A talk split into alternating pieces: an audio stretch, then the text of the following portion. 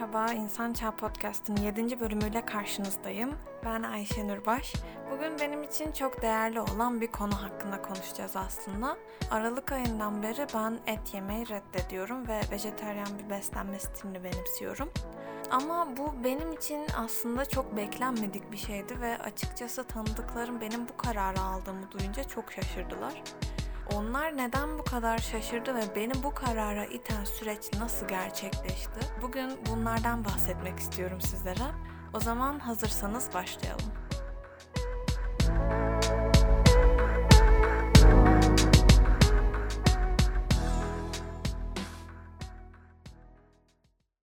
Daha önce hiç tabağınızdaki yemeğe bakıp oradaki yiyeceğin, yiyecek olarak gördüğünüz şeyin daha birkaç gün öncesine kadar yaşayan bir canlı olduğunu düşündünüz mü? Ben iki yıl öncesine kadar bunu hiç düşünmemiştim. Çünkü zaten çocukluktan beri et yemeyi çok severdim. Onun lezzetini severdim ve et yemek için yaptığımız mangal buluşmalarını severdim. Kısacası et hakkında her şeyi seviyordum. Böyle bazen de arada sırada kulağıma geliyordu ki böyle vejeteryan denen insanlar varmış ve onlar et yemeyi reddediyorlarmış. Niye hayvanlar ölmesin diye. Ben buna bakıp çok mantıksız bir düşünce olduğunu düşünüyordum ve kendi kendime şunları söylüyordum. Hayvanlar biz onları yediğimizde acı çekmiyorlar ki onların hayattaki amaçları bu. Şimdi biz onları yemezsek bu hayvanlar ne yapacak? Bu dünyada amaçsız bir şekilde neye yarayacak o hayvanlar? İşte ben iki yıl öncesine kadar böyle düşünürken bir de baktım ki kendim o küçümsediğim vejeteryanlardan biri olmuşum. Daha önce de söylediğim gibi bu aldığım karar hem beni hem de etrafımdakileri çok şaşırttı. Çünkü et yemeyi en çok seven insanlardan biriyken bir anda vejeteryan olmam bir uçtan öbür uca hızlı bir geçiş gibi yaşandı. Peki beni bu hızlı geçişe iten şey neydi? O şeyi açıklayayım hemen size. Ben iki yıl önce sıfır atıkçı olmaya karar verdim. Sıfır atıkçının ne olduğunu tam olarak bilmeyenleriniz olabilir. O yüzden açıklayayım.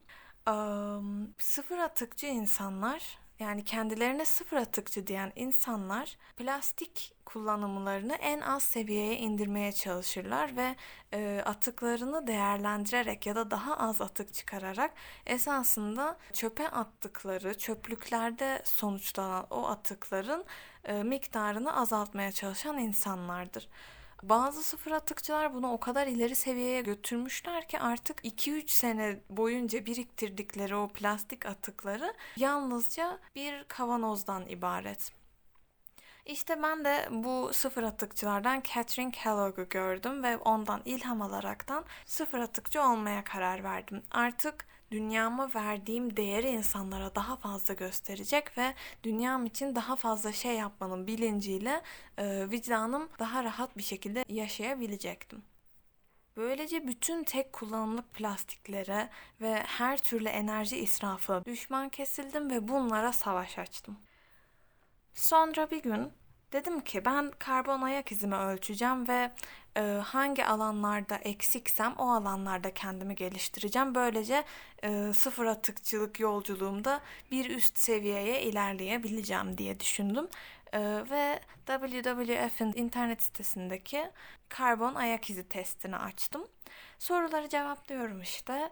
E, sonra karşıma bir soru çıktı. Ne sıklıkla et tüketirsiniz? Hayda şimdi ne alaka et tüketmekle karbon ayak izi diye sordum kendi kendime. Ama o an e, haftada 5 gün ve daha fazlası diye bir seçenek vardı. Onu işaretleyip geçtim. E, yine de bu soru benim aklıma çok takıldı ve daha fazla araştırma yapma gereği duydum. Yani asla anlam veremiyordum. Ne alakası olabilirdi ki benim tabağımdaki etin karbon ayak izimle? Kafamı kurcalayan bu soru hakkında yaptığım araştırmalar sonucunda öğrendim ki et yemeyi seven bir ben değilmişim. Bütün dünyadaki birçok insan et yemeyi çok seviyormuş ve dünyanın kalabalık nüfusunu bu sevdikleri yiyeceğe kavuşturabilmek için de et üreticileri normalde yetiştirebileceklerinden çok daha fazla besi hayvanı yetiştiriyorlarmış. Bu kadar çok besi hayvanının yaşaması için gereken alanı sağlamak adına her yıl binlerce hektarlık ormanlık araziyi yok etmek zorunda kalıyorlarmış. Ee, bir de sadece bu hayvanların yaşaması için değil, aynı zamanda onları besleyecek bitkilerin, yemlerin yetiştirilmesi için de çok fazla geniş ve açık alana ihtiyaç duyuluyormuş. Bu yüzden daha da fazla ormanlık arazi katlediliyormuş. Sonuç olarak yılda 6.7 milyon hektar ormanlık arazi yalnızca besi hayvanlarının üretimi için yok ediliyormuş. Bunları öğrenince benim keyif kaçtı tabii. Ama bu daha maalesef buzdağının görünen kısmıymış. Bakın sonradan ben neler öğrendim. Besi hayvanları ve özellikle inekler sindirim sırasında atmosfere büyük miktarlarda metan gazı salıyorlar. Metan da hani küresel ısınma bölümünde daha önce bahsetmiştik. Aynı karbondioksit gibi bir sera gazı ve atmosferin ısınmasına sebep oluyor. Bu da dolayısıyla iklim değişikliğine sebep olmuş oluyor. Şimdi bir düşünelim. Dünya üzerinde yaşayan 7.9 milyar insanı besleyecek 1.4 milyar inekle bu yeryüzünü biz paylaşıyoruz. Bu ineklerin her biri yılda 70 ila 120 kilogram arası metan gazı üretiyor. Yani bir yılda inekler tarafından 133 milyon ton metan gazı atmosfere salınıyor. Besi hayvanları tek başına metan gazı salımının %40'lık kesimini oluşturuyor. Ki bu da tüm ulaşım sektörünün yani dünyadaki bütün uçakların, bütün otomobillerin sebep olduğu sera gazı salımından çok daha fazla bir değer.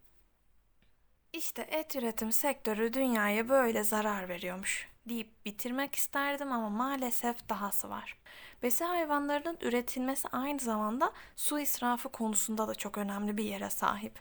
Dünya çapında su tüketiminin %92'si artan insan nüfusunu beslemek için yetiştirilen gerek tarımsal gerek hayvansal gıdanın üretimi için kullanılıyor. Hayvansal gıdaların su ayak izi bitkisel gıdaların su ayak izinden çok daha fazla. Çünkü hayvanların hem içmek için suya ihtiyaçları var, hem dışkılarının temizlenmesi için suya ihtiyaçları var, hem de yiyecekleri bitkilerin yetiştirilmesi için suya ihtiyaçları var. Oysa bitkiler sadece beslenme için suya ihtiyaç duyuyor. Hal böyle olunca da 1 kilogram biftek için 15.415 litre su harcanıyor. Vay anasına et için onca hektar arazi milyonlarca litrede su gerekiyormuş. Ama benim bundan bu zamana kadar niye haberim olmadı? E olmaz tabi. 10 liraya iki hamburger yerdim ben küçükken. O kadar ucuz bir yiyeceğin dünyaya bu kadar pahalıya patlayacağını nereden bilebilirdin ki? Etin bu kadar ucuza mal edilebilmesi için hayvanlar canlı varlıklar gibi değil de seri üretim ürünler gibi fabrikalarda üretiliyorlar küçücük alanlarda yüzlerce hayvanı birbirlerini ezerek hayatta kalmaya çalışmasını şu an ben bir kenara bırakıyorum. Ama bu uygulamanın bilimsel anlamda dünyaya olumsuz etkilediği bir yönü de var. Şimdi bu hayvanların dışkıları o fabrika gibi yerlerde e, haliyle toprağa karışamıyor ve dışkılardan bir şekilde de kurtulmak icap ediyor. Et üreticileri bu ihtiyacı karşılamak için çareyi o dışkıları su kaynaklarına boşaltmakta buluyor. E, yani su onu alır götürür zaten mantığıyla bütün su kaynaklarını ineklerin dışkılarını, tavukların dışkılarını boşaltıyorlar. Ama üzgünüm ki su o kadar çok pisliği alıp götüremiyor ki götürse de nereye götürecek zaten illa ki başka bir suya gidecek o pislikler. Her neyse sularda biriken o dışkılar suda plankton ve alg denilen minik canlıların popülasyonunun çoğalmasına sebep oluyor. O küçük canlılar da e, suyun yüzeyini halı gibi kaplıyorlar ve su altına ışık girmesine engel oluyorlar. Su bitkileri fotosentez yapamıyor ve suda yaşayan canlılar zamanla oksijen yetmezliğinden boğularak ölüyorlar. Ki biz buna ötrofikasyon diyoruz.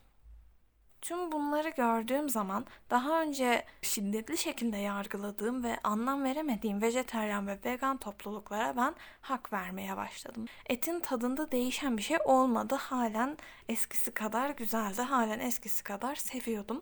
Ancak o tat için ödenen bedeller buna değer mi diye sordum ben kendi kendime. Ben bu zevkten ödün vermeyeyim, ucuz fiyata et yiyebileyim diye çocuklar hayvanlara yem yetiştirilen tarlalarda çalıştırılıyor ve gelirleri yetmediğinden o yemleri bile yiyemiyorlar. Yine ben o kadar ucuza et yiyebileyim diye biyolojik yapılarına aykırı tahıllarla beslenen hayvanların bağırsaklarında salmonella gibi virüsler ürüyor ve birçok hayvan ve insan da bu virüslerin kurbanı oluyor. Hayvanlar fabrikalarda minicik alanlara tıkılıp güneş yüzü görmeyerek yürüyemeyecek hale gelene kadar şişmanlatılarak ölmeyi bekliyorlar. Kendi kendime sordum değer mi diye ve değmez cevabını verdim. Sonuç olarak da et yemeyi bıraktım. Ben et yemiyorum diye dünya daha güzel bir yer haline geldi mi? Hayır. Keşke bu kadar kolay olsa ama en azından vicdanım rahat ve etrafımdakiler tabaklarında gördükleri o bütün kemiklerinden ve kanından arınmış şeyin bir zamanlar bilince sahip bir canlı olduğunu bazen hatırlayabiliyorlar. Kimseyi vegan ya da vejeteryan olmaya zorlamıyorum. Ama ete ödediğimiz fiyat gerçekçi değil ve bunu maalesef birçoğumuz bilmiyoruz. Bu bize söylenmiyor. Etin gerçek maliyetinin ve bedellerinin daha çok duyulmasını istiyorum ben sadece. Belki o zaman biraz durup düşünürüz ve en azından eti eskisi gibi bir lüks haline getirmeyi deneyebiliriz. Beni dinlediğiniz için çok teşekkür ederim.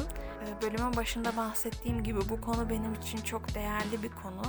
Ee, çünkü tüketiciler olarak biraz ayakta uyutulduğumuzu hissediyorum ben et üretim sektörünün gerçeklerini gördüğüm zaman. Bu bölümün aslında bir serinin başlangıcı gibi olmasını planladım ben. Ee, daha sonrasında vegan vejeteryan diyetin sağlığa etkileri ya da et üretim sektöründe yapılan yanlışlar ve et üretim sektörünün dünyaya verdiği zararlar hakkında daha ayrıntılı bölümlerde yapmayı düşünüyorum. Umarım beğenmişsinizdir. Daha sonraki bölümlerimi kaçırmamak için beni takip etmeyi unutmayın. İyi günler dilerim. Görüşürüz.